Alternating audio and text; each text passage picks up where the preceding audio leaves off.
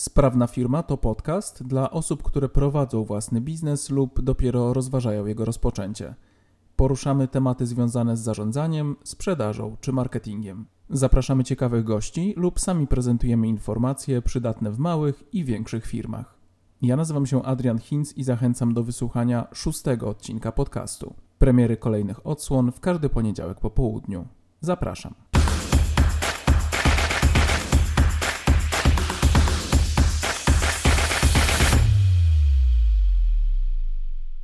Dzisiaj wyjątkowo publikujemy odcinek dopiero we wtorek, a wszystko to oczywiście za sprawą wczorajszego święta i nieco dłuższego niż zazwyczaj weekendu. Jest to więc zmiana jednorazowa, a poza tym można powiedzieć, że bez zmian. Partnerem naszego podcastu jest agencja interaktywna NetMove, która dostarcza usługi marketingowe dla klientów z segmentu e-commerce. NetMove wspiera mnie także merytorycznie zawsze wtedy, gdy przygotowuję odcinki związane z marketingiem internetowym, a po statystykach słuchalności sądząc, bardzo je lubicie. Za każde odtworzenie bardzo serdecznie dziękuję. Pamiętajcie także, że nasz podcast jest dostępny na wszystkich najpopularniejszych platformach podcastowych, a więc Spotify, Google Podcast i Apple Podcast. Subskrybujcie nas, a w ten sposób nie przegapicie żadnej ważnej informacji dla Waszych firm. A my przechodzimy już do głównego tematu szóstego odcinka, czyli inaczej niż w poprzednim tygodniu, nie o złych pomysłach na stronę www, ale takich, które w mojej ocenie są niezłe, dobre lub nawet bardzo dobre. A więc 10 elementów, które mm, strona małej czy średniej firmy powinna zawierać, aby zwiększać swoje szanse na pozyskiwanie nowych klientów przez internet. Tym razem bez długich wstępów, zaczynajmy. Na początku temat z gatunku oczywistych oczywistości, ale jak się okazuje w praktyce, wciąż jednak nie dla wszystkich. Z dużym prawdopodobieństwem większość użytkowników odwiedzających także Twoją stronę czyli stronę Twojej firmy, będzie robić to za pomocą urządzeń mobilnych.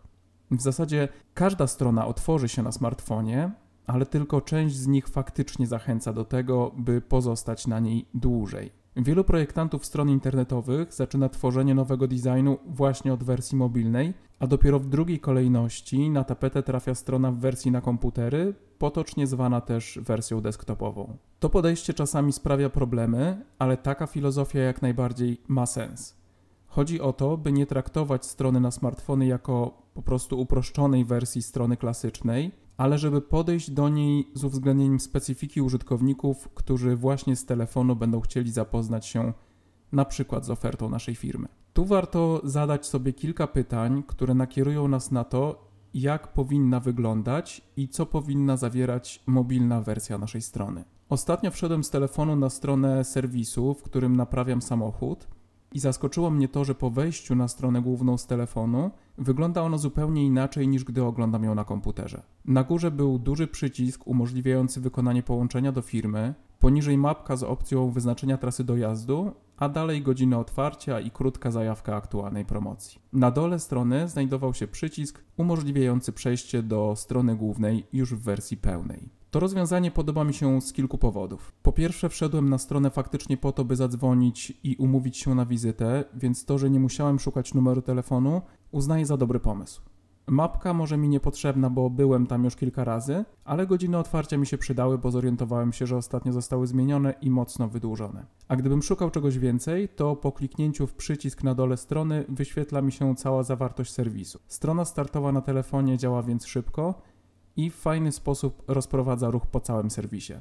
Proste i genialne. Nie w każdym przypadku takie podejście będzie miało uzasadnienie, ale jeśli w wyniku analizy zachowań naszych użytkowników zorientujemy się, że na przykład dłużej zapoznają się oni z ofertą na komputerach, a na telefonie wchodzą przede wszystkim do zakładki kontakt, to można rozważyć takie przeorganizowanie strony głównej w wersji mobilnej, która pozwoli ułatwić życie naszym potencjalnym klientom. Z pewnością można znaleźć także inne sposoby które uczynią wersję mobilną jeszcze bardziej użyteczną. I warto takie zadanie zlecić osobie, która będzie przygotowywała projekt naszej strony internetowej. A więc punkt pierwszy podsumowując, strona musi być nie tylko responsywna, bo to w zasadzie powinien być już standard, ale powinna być też w mądry sposób responsywna, czyli tak jak to tylko możliwe, na urządzeniach mobilnych akcentować te treści, które właśnie dla użytkowników odwiedzających strony z urządzeń typu smartfony czy chociażby tablety czasami, żeby te informacje, które są dla nich ważne, były tam dobrze wyeksponowane. Drugi element, który uważam, że też jest bardzo ważny, e, on czasami sprawia też problemy. W skrócie można było powiedzieć: przedstaw się, bo nie każdy cię zna. Chodzi mi o to, żeby napisać na stronie głównej nawet, albo w jakiejś zakładce typu o nas, trochę o naszej firmie. Napisać takie treści warto w tym celu, żeby szczególnie nowi klienci mogli już trochę zorientować się, z kim będą mieć do czynienia. Tu oczywiście gorący apel, żeby wystrzegać się treści bardzo ogólnych, czyli na przykład jesteśmy firmą z branży X i świadczymy pełen wachlarz usług, bo to niespecjalnie wnosi jakąś wartość, ale w takiej zakładce, w której właśnie przedstawiamy naszą firmę, można spokojnie napisać od kiedy działamy na rynku, mm, jakie mamy doświadczenie, jaki mamy zespół, dlaczego klienci korzystają z naszych usług. Wymienić można też e, wiodące usługi czy produkty, które oferujemy i przedstawić wszelkie inne informacje, które albo są ważne dla naszych odbiorców, albo będą budowały jej wiarygodność. Chociażby wiarygodność płatniczą. Czasami e, na stronach o nas można spotkać na przykład mm, takie certyfikaty, które poświadczają, że nie mamy żadnych zaległości w bazach gospodarczych. Można napisać coś o ubezpieczeniach, które posiadamy o certyfikatach, które zdobyliśmy i szkoleniach, które odbyliśmy. W skrócie chodzi o to, żeby pokazać się z jak najlepszej strony, ale oczywiście nie przesadzić w samym tonie tej wypowiedzi, tak żeby nie była to taka laurka, która straci na swojej wiarygodności przez to, że jesteśmy zawsze i we wszystkim najlepsi. Czyli z umiarem, ale też z drugiej strony nie obawiając się e, tego, żeby chwalić się rzeczami, którymi faktycznie możemy zaimponować naszym klientom albo które mogą ich przekonać do tego, żeby to właśnie naszą firmę wybrać spośród wielu innych ofert, które nasi użytkownicy przeglądają. A więc przedstawiamy się zawsze, bo to buduje naszą wiarygodność, bo to pomaga nas poznać klientom, którzy jeszcze nie mieli do czynienia e, z naszą firmą w przeszłości, a także dla robotów Google'a może mieć to znaczenie, szczególnie w określonych kategoriach stron, więc tak naprawdę taka zakładka jak o nas nie ma żadnych wad, ma wiele zalet, natomiast oczywiście pisanie tego typu tekstów może e, sprawiać problemy i oddawanie tego e, zajęcia copywriterowi bez odpowiedniego poinstruowania go, przekazania mu, co tam się faktycznie powinno znaleźć, to doprowadzi do takiego e, skutku, że będziemy mieć tam właśnie bardzo ogólny opis, który w sumie niewiele wniesie i mogłoby go równie dobrze nie być. Także do tej strony warto się przyłożyć, bo o ofercie e, copywriter już napisze dużo łatwiej, bo często to, co oferujemy, to, co robimy, robią też inne firmy, więc tutaj research w internecie jest jak najbardziej możliwy do wykonania. Jeżeli chodzi o opis naszej firmy, no to tutaj tak naprawdę szczegóły w większości przypadków zna właściciel albo pracownicy firmy. Użytkownik, który trafia na naszą stronę, czasami będzie zaczynał e, tą wizytę na stronie głównej ale czasami będzie ją zaczynał na jakiejś podstronie, którą na przykład znajdzie w wynikach wyszukiwania Google'a. Często taka strona jest oczywiście bardzo trafna i, i użytkownik znajdzie tam dokładnie to, czego szuka. Natomiast czasami jest tak, że informacje te nie będą wyczerpujące i użytkownik będzie miał potrzebę, żeby jeszcze po naszej stronie troszeczkę pochodzić i poszukać innych informacji. Bardzo ważnym elementem każdej strony powinna być przyjemna i czytelna nawigacja bo to jest najłatwiejszy sposób na to, żeby użytkownicy znaleźli właśnie to, czego szukają. Tutaj warto trzymać się pewnych y, konwencji, które użytkownicy znają z innych stron i które będą powodowały, że nie będą się zastanawiać nad tym, w jaki sposób po, po danej stronie się poruszać. A więc to, co widzimy na większości stron firmowych. Więc menu na górze zawierające zazwyczaj odnośniki do tych kluczowych podstron typu oferta, produkty, o nas, czasami pomoc, kontakt. Takie kluczowe podstrony powinny być zawsze łatwe do zauważenia. W przypadku urządzeń mobilnych, gdzie wymienienie wszystkich tych pozycji e, z menu nie jest już takie proste, bo ogranicza nas po prostu wielkość ekranu, to tutaj oczywiście można to menu zwinąć. E, zazwyczaj mm, rozwija się je później klikając w taką ikonkę, która nazywana często jest hamburgerem, bo ona po prostu przypomina takiego, taki schemat właśnie hamburgera, czyli dwie bułki góra, dół i w środku kawałek mięsa, więc e, taka nawigacja na urządzeniach mobilnych, którą na pewno widzieliście na wielu stronach, często nazywa się hamburgerem i to też jest oczywiście bardzo dobre rozwiązanie, bo mm, zachowujemy czytelność strony, nie poświęcamy całego ekranu na to, żeby zaprezentować menu, a z drugiej strony użytkownicy wiedzą, jak sobie z tym radzić. Więc nie udziwniajmy tutaj na siłę. Chodzi o to, żeby nawigacja nie sprawiała problemów i nie powodowała, że użytkownik będzie wracał do Google, żeby tam szukać informacji, bo Google zna bardzo dobrze i wie, jak ta wyszukiwarka działa.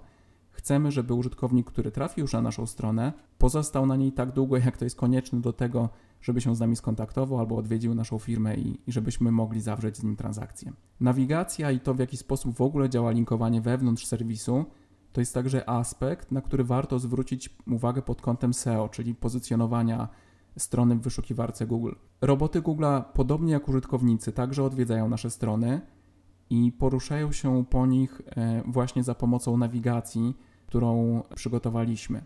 Jeżeli jest ona odpowiednio skonstruowana, jeżeli odpowiednio przekazuje taką moc SEO-ową dalszym podstronom, to możemy dzięki temu być wyżej w wynikach wyszukiwania, a to także jest bardzo istotny cel większości właścicieli stron internetowych, bo Google oczywiście dostarcza większość ruchu na stronach internetowych, także małych i średnich firm.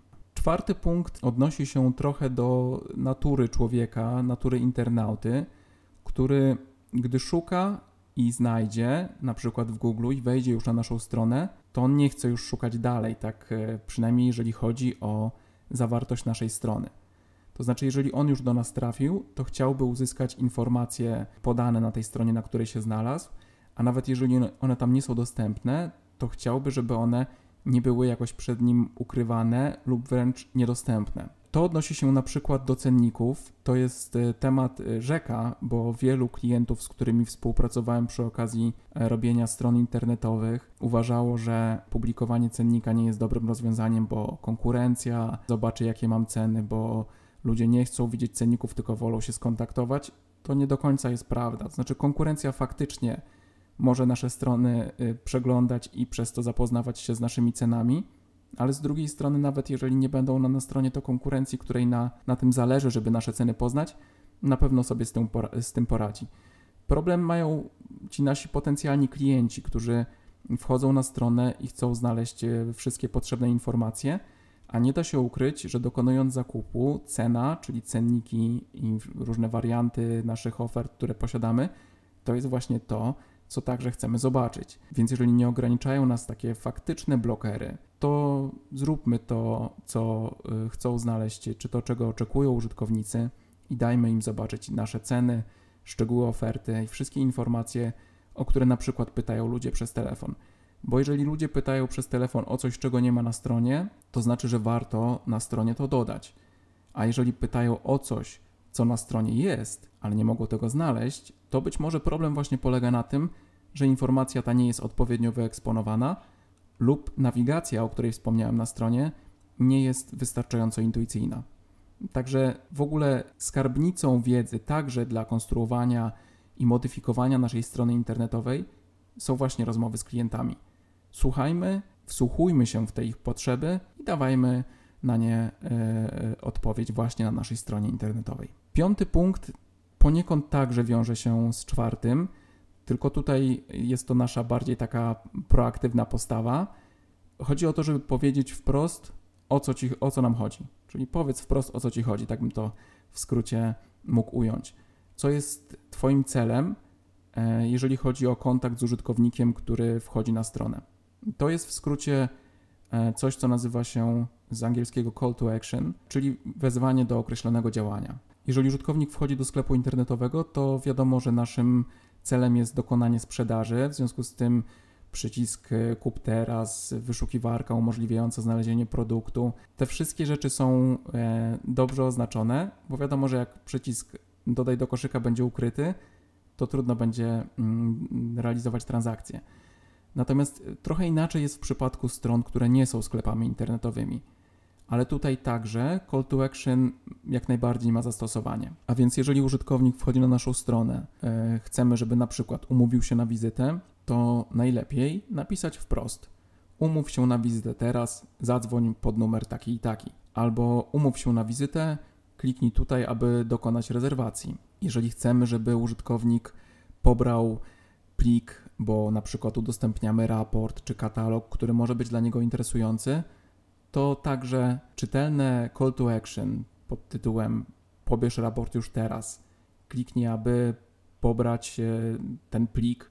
To jest coś, co naprawdę działa. To znaczy, ludzie wchodząc na stronę i zazwyczaj nie czytając dokładnie wszystkich treści, które się tam znajdują, ale raczej skanując wzrokiem mm, to, co napisaliśmy, jeżeli widzą jasno określone call to action, które jest związane z ich intencją, z tym, czego na stronie szukają, to skuteczność tego typu działań jest naprawdę wysoka. Oczywiście nie można też przesadzić i chodzi o to, żeby na stronie też nie było tych wezwań do działania tak dużo, że właściwie nie będzie wiadomo, co mam zrobić. Czyli minimalizm tu jest w cenie, jeżeli chodzi o ilość przeka e, przekazów e, typu call to action, więc musimy sobie najpierw zadać pytanie, jakie faktycznie działanie chcemy, aby użytkownicy wykonywali wchodząc na naszą stronę. Punkt szósty może dla niektórych brzmieć dziwnie na początku, bo brzmi on następująco.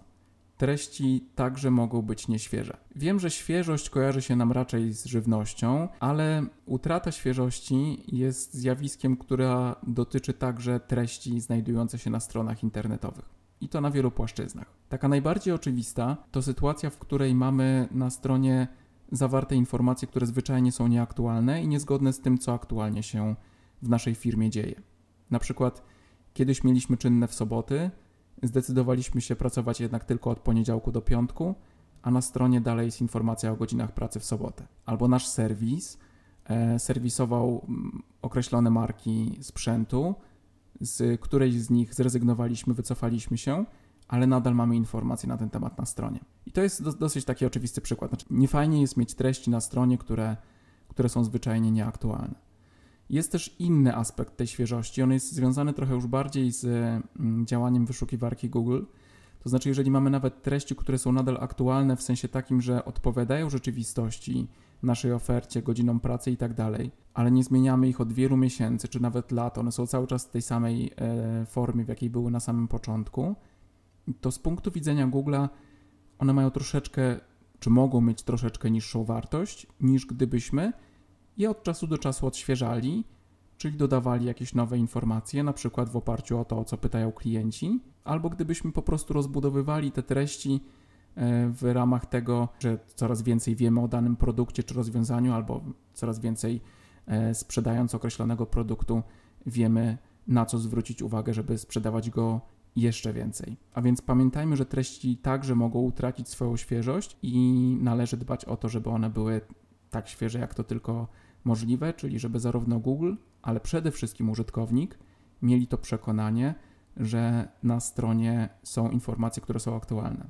To, że w praktyce bywa z tym różnie, to może potwierdzić bardzo wielu e, właścicieli firm, którzy odbierają codziennie telefony od klientów z pytaniem: czy oferta, która jest na stronie, jest nadal aktualna? Może się wydawać, że klient zwariował, czemu się pyta, to oczywiste, że są aktualne, ale takie pytanie nie wzięło się z niczego. Ono się wzięło z doświadczeń ludzi, którzy często na przykład odwiedzali firmę po zapoznaniu się z zawartością jej strony internetowej, a na miejscu okazywało się, że to, co tam się znajduje, to już nie jest aktualne. No i co wtedy zrobić? No nic, nie obsłużymy klienta, ale możemy go zdenerwować, szczególnie jeżeli jechał z daleka i możemy narazić się na to, że otrzymamy negatywną opinię.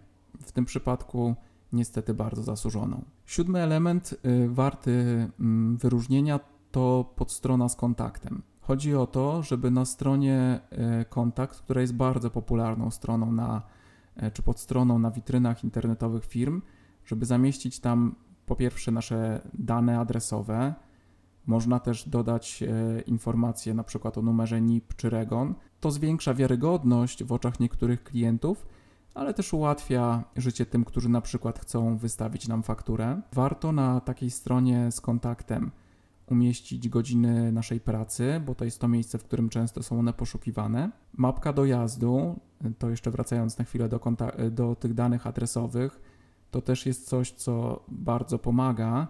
Natomiast sama mapka to jedno, a jeszcze fajnym do tego dodatkiem są wskazówki dojazdu. I one mogą być zrealizowane na dwa sposoby. Moim zdaniem jeden nie wyklucza drugiego i można spokojnie stosować je obie łącznie, czyli jedna z opcji to jest po prostu wyznaczenie trasy, a więc wpisuję swój punkt początkowy i wyznaczam trasę do, do firmy, ale drugi to są takie wskazówki dojazdu, czasami dojścia do naszej firmy, które wynikają z tego, że na przykład jesteśmy zlokalizowani w trochę mniej widocznym miejscu. Więc poinstruowanie klienta, że po wejściu w bramę skręcić w prawo, albo że znajdujemy się na piętrze pierwszym czy na poziomie minus jeden, to tego typu wskazówki są naprawdę bardzo praktyczne i powodują, że klienci y, mniej się irytują, kiedy nie mogą nas znaleźć. Oprócz tego na stronie z kontaktem potrzebny jest oczywiście numer telefonu, adres e-mail i jeżeli to tylko możliwe, to także formularz kontaktowy, bo wiele osób zamiast wysyłać maila ze swojej skrzynki woli skorzystać z formularza. I taka strona, tak przygotowana, to jest takie, powiedziałbym, rozwiązanie optymalne, ale zawsze może być lepiej. Więc można rozważyć, czy na takiej podstronie z kontaktem nie umieścić także naszego e, namiaru na WhatsAppie, nie dodać opcji live chata, który umożliwi od razu skontaktowanie się z nami, po prostu zapytanie i uzyskanie szybkiej odpowiedzi bezpośrednio, y, korzystając z jakiegoś komunikatora, czy właśnie z, z takiego czatu na, na, na stronie internetowej. A oprócz tego można też pomyśleć o takiej funkcji jak callback, czyli możliwość zostawienia swojego numeru telefonu y, z taką obietnicą, że szybko oddzwonimy. I teraz te ostatnie punkty, one są fajne, one często pomagają domknąć transakcję, ale one są trochę niebezpieczne wtedy, kiedy nie mamy czasu na to, żeby je na bieżąco obsługiwać. Bo co z tego, że mamy czat na stronie? Czy podłączymy Messengera, jeżeli użytkownik, który zada pytanie, musi czekać długo na odpowiedź? Albo e, dajemy mu opcję pozostawienia numeru telefonu i mówimy, że oddzwonimy w minutę, a oddzwaniamy na przykład następnego dnia czy za kilka dni. To wtedy jest e, przeciwskuteczne, znaczy nie, nie budujemy w ten sposób dobrych relacji z klientem. E, rozwiązaniem może być chatbot, i to jest rozwiązanie, które zyskuje coraz bardziej na popularności, a więc jest to sposób na to, żeby użytkownik zadając pytanie uzyskiwał odpowiedzi automatycznie i dzięki temu zwolnił nas z obowiązku ciągłego mm, siedzenia przy komputerze czy przy telefonie i odpowiadania na pytania potencjalnych klientów. Chatbot jest często utożsamiany z, z takim rozwiązaniem, które polega na zdefiniowaniu określonych pytań po kliknięciu, w które uzyskujemy od razu odpowiedź Natomiast w takim pełnym rozwiązaniu tak naprawdę chatbot umożliwia napisanie samodzielnie pytania i uzyskanie na nie odpowiedzi, najlepiej jeszcze trafnej.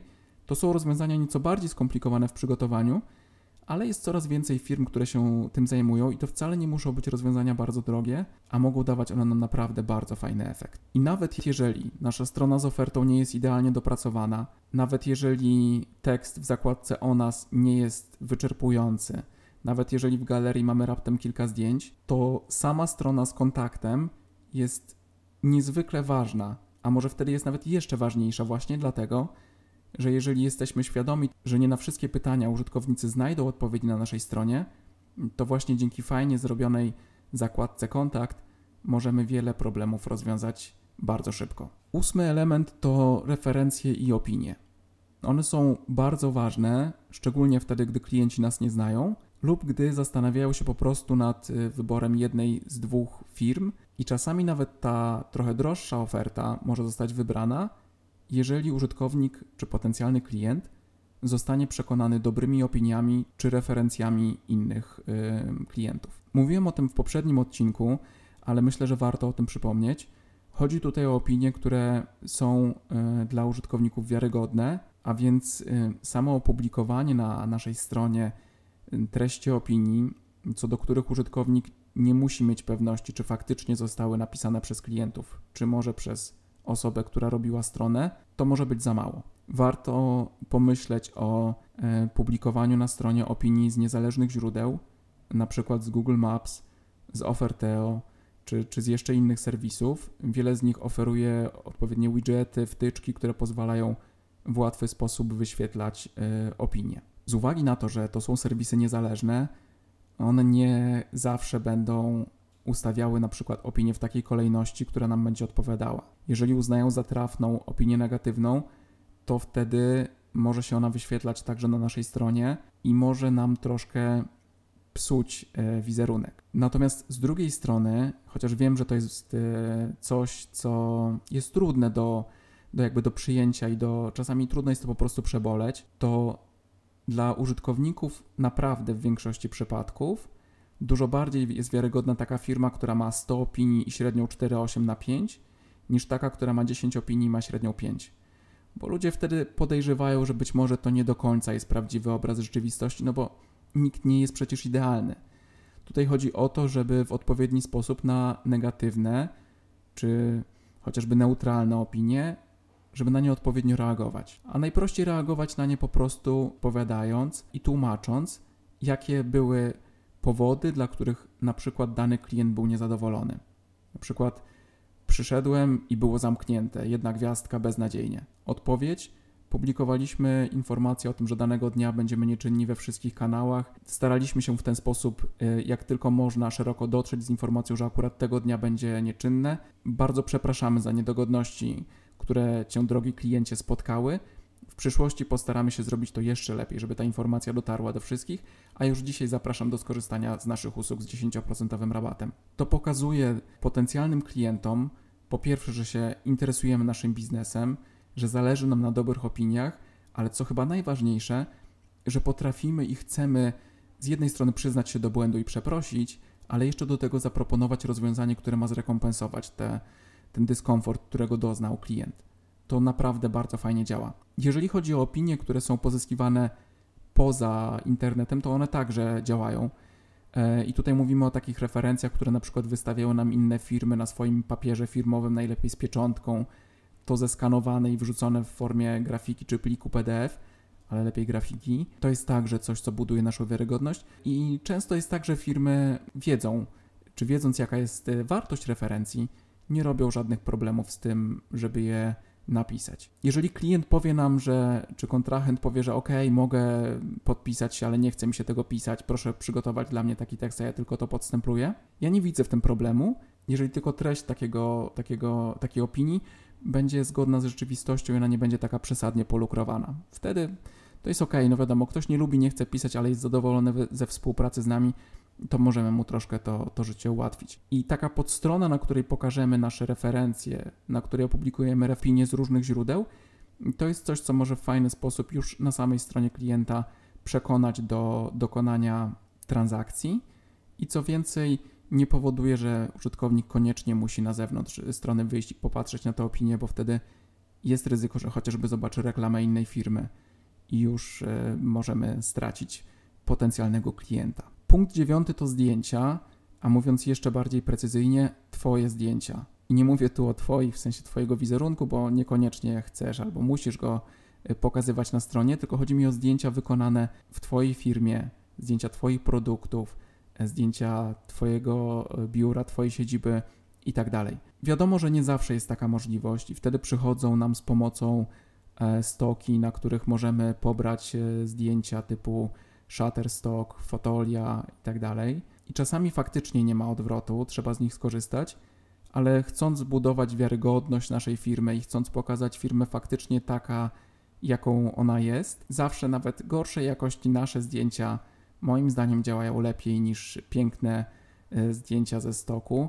No bo co, no bo wtedy mm, świadczymy usługi hydrauliczne, a, a obrazuje e, tą naszą usługę hydraulik, który na przykład jest czarnoskóry. I to w sumie nie, nie ma w tym oczywiście nic złego, ale dla odwiedzającego naszą stronę to pokazuje, aha, dobra, to nie są zdjęcia tej firmy, to w sumie nie wiem z kim rozmawiam, z kim będę rozmawiał, nie wiem czy mogę ufać, a to zdjęcie już widziałem gdzieś na innej stronie, Mm, czasami lepiej zdjęcia nie wrzucać, niż wrzucać zdjęcie ze stoku na siłę, a jeżeli tylko mamy możliwość, żeby wykorzystać nasze zdjęcia, to to róbmy. Naprawdę to przynosi fajny efekt. Punkt dziesiąty i może na dzisiaj ostatni, ale jeszcze będę ten temat rozwijał w przyszłości na pewno, to takie mm, treści, które mogą być pomocą dla naszych użytkowników, e, ale być też sposobem na generowanie dodatkowego ruchu, szczególnie z Google'a, właśnie do naszej witryny.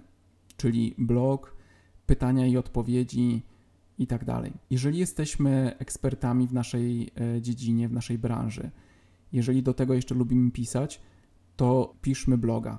To jest naprawdę bardzo fajny sposób na to, żeby po pierwsze Google miał więcej treści na naszej stronie i mógł je zaindeksować, żeby one były świeże, bo blog będziemy aktualizować poprzez chociażby dodawanie właśnie nowych wpisów, ale też to jest bardzo fajny sposób na to, żeby użytkownika, czyli potencjalnego klienta, móc y, zachęcić do skorzystania z naszych usług pokazując mu siebie jako eksperta. A z kolei pytania i odpowiedzi to jest bardzo fajny sposób na to, żeby właśnie w jednym miejscu zebrać te pytania, które faktycznie często się od naszych klientów pojawiają i dodać na nie odpowiedzi.